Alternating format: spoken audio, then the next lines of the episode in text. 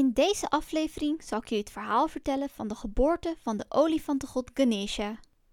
En in het weetje van de aflevering komen jullie meer te weten over olifanten. Welkom bij Verhaaltjestijd. Over sprookjes, volksverhalen, verhalen uit verschillende godsdiensten en meer. Dit is aflevering 1 van de Verhaaltjestijd podcast, Ganesha. In deze aflevering zal ik je het verhaal vertellen van de olifantengod Ganesha. In het hindoeïsme wordt Ganesha gezien als de god van kennis en wijsheid. Veel hindoestanen bidden tot Ganesha wanneer ze aan iets nieuws beginnen, zoals een nieuwe baan of bij een verhuizing. In dit verhaal zal ik vertellen waarom Ganesha een olifantenkop heeft gekregen. Want ooit had hij een normaal hoofd.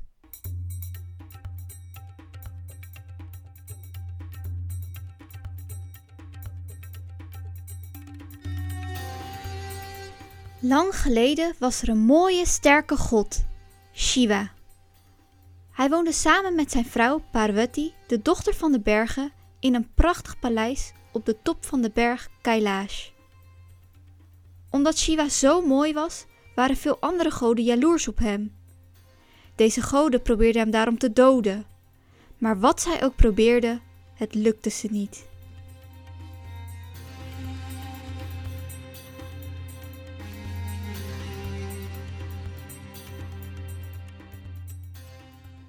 Op een dag was Parvati alleen thuis en wilde een bad nemen.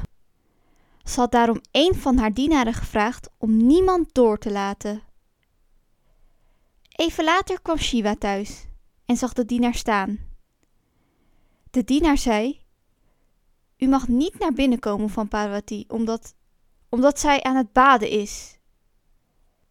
Shiva keek de dienaar dreigend aan en liep zonder iets te zeggen gewoon door naar binnen. Parvati schrok van Shiva en ze schaamde zich omdat zij naakt in bad zat. Ze schaamde zich zo erg dat zij zich snel met een laken bedekte en haar kamer inrende. Parvati vond het niet leuk dat Shiva haar zo had gezien en dacht: Had ik maar een dienaar die naar mij luisterde en alles zou doen wat ik zei. Op een dag maakte zij daarom uit het vel van haar lichaam een knappe en hele sterke jonge man. Ze gaf hem mooie kleren, sieraden en juwelen en zei: Jij bent Ganesha, mijn zoon, en de enige die ik heb in dit paleis. Ganesha maakte een diepe buiging voor zijn moeder en zei: Ik zal alles doen wat u mij vraagt. Waar kan ik u mee van dienst zijn? O mijn lieve zoon, antwoordde Parvati, vanaf dit moment zal jij mijn deur bewaken. Ik wil dat niemand zonder mijn toestemming binnenkomt. Niemand, maar dan ook niemand mag je zomaar binnenlaten. Als het nodig is, dan gebruik je maar geweld. Waarna Parvati Ganesha een liefdevolle knuffel gaf. Ze gaf hem daarna een stevige stok om bij de deur van het paleis op wacht te staan en ze ging naar binnen om in bad te gaan.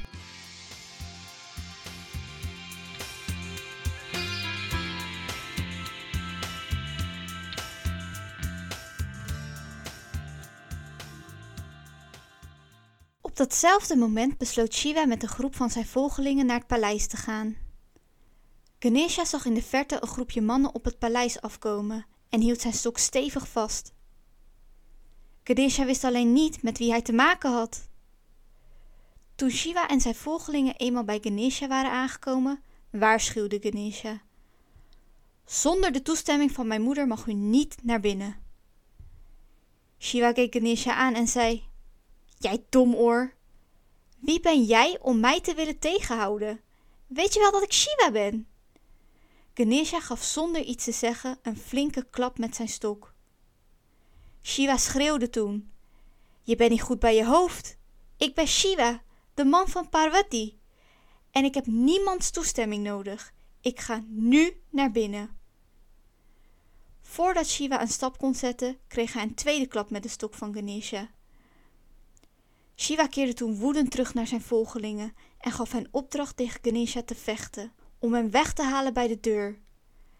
Maar Ganesha was veel te sterk. Vanuit de hemel keken andere goden toe. En een van de goden, Vishnu, verscheen. Hij zei tegen Shiva: Ganesha heeft heel veel geluk, is heel sterk en een echte held. Zonder een list te verzinnen is Ganesha niet te verslaan. Hij bedacht toen een plan om Ganesha te verslaan en vertelde het aan Shiva. Vishnu daagde Ganesha uit voor een gevecht. En terwijl zij aan het vechten waren, sloop Shiva achter Ganesha. Hij liep voorzichtig steeds dichterbij. En toen hij vlak achter Ganesha stond, sloeg hij in één klap met zijn drietand het hoofd van Ganesha eraf. Ondertussen was Parvati klaar met haar bad en kwam zij naar buiten.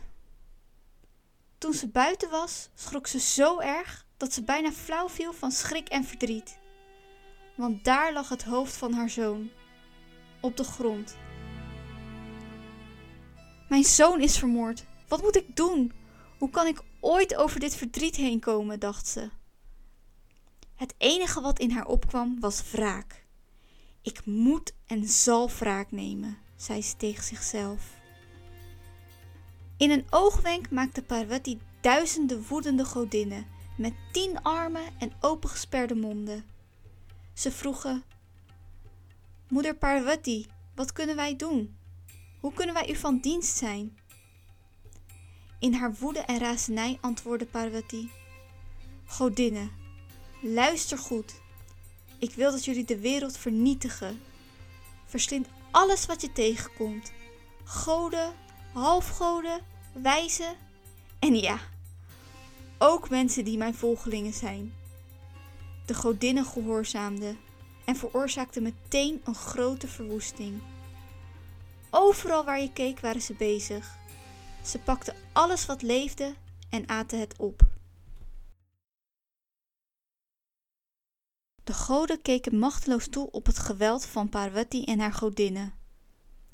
Terwijl zij bespraken hoe ze Parvati moesten stoppen, verscheen hun leermeester, Narada de ziener. De goden smeekten hem om hulp en hij zei: Parvati moet medelijden krijgen, anders zal ze deze ellende niet voorbij laten gaan. Narada en nog wat andere zieners gingen toen naar Parvati. Hij boog voor Parvati en sprak: O moeder van de wereld, heb genade. U heeft de macht die beschermt, maar ook vernietigt. O godin, wees alstublieft kalm. Wij smeken u. Parvati bleef boos en Narada vroeg nogmaals om genade. O godin, vergeef het ons. Wij zijn uw eigen kinderen en we voelen ons ellendig. Heb toch alstublieft medelijden. Parvati werd toen minder boos en zei: Pas als jullie mijn zoon weer tot leven brengen, zal ik stoppen met de wereld te verwoesten. Pas als jullie hem respecteren, zal er vrede zijn in de wereld.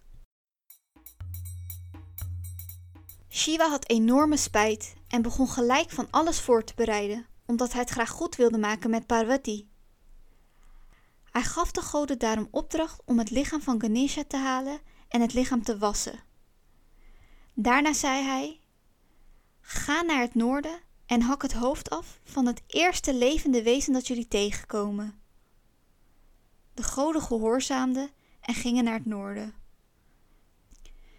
Het eerste levende wezen die zij zagen was een olifant met één slagtand. Ze hakten zijn hoofd af, brachten het terug naar het lichaam van Ganesha en zetten het hoofd op de romp van Ganesha.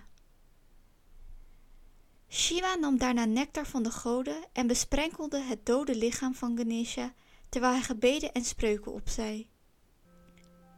Bij de eerste druppels die op het lichaam van Ganesha vielen, kwam hij weer tot leven en hij stond op alsof hij alleen maar even had geslapen.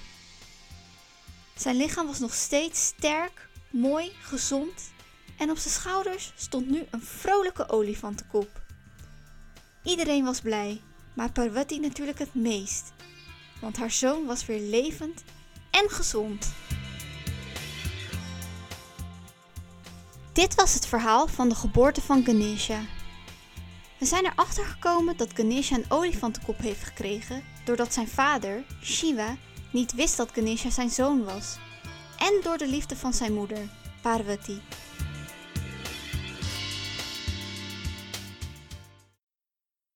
In de volgende aflevering zal ik je het verhaal vertellen van Hans en Grietje.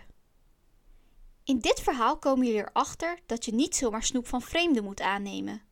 En al helemaal niet als het hele huis van snoep gemaakt is.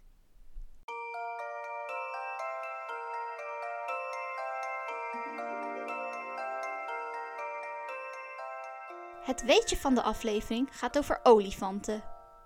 Wisten jullie dat er twee verschillende olifanten zijn? De Aziatische olifant en de Afrikaanse olifant. Hun namen zeggen al in welke werelddelen zij voorkomen. De Aziatische olifant komt voor in Azië, zoals India. En de Afrikaanse olifant in Afrika. Nu is dit niet de enige reden waarom zij verschillend zijn. Naast hun verschillende leefgebieden zijn er ook verschillen die je kunt zien. Afrikaanse olifanten hebben namelijk grotere oren en een holle rug, terwijl Aziatische olifanten kleinere oren hebben en een rechte rug. Dus de volgende keer als jullie in de dierentuin lopen of ergens anders een olifant zien, zoals op tv of in een boekje, kunnen jullie letten op hun oren. En vertellen of je een Aziatische of Afrikaanse olifant ziet.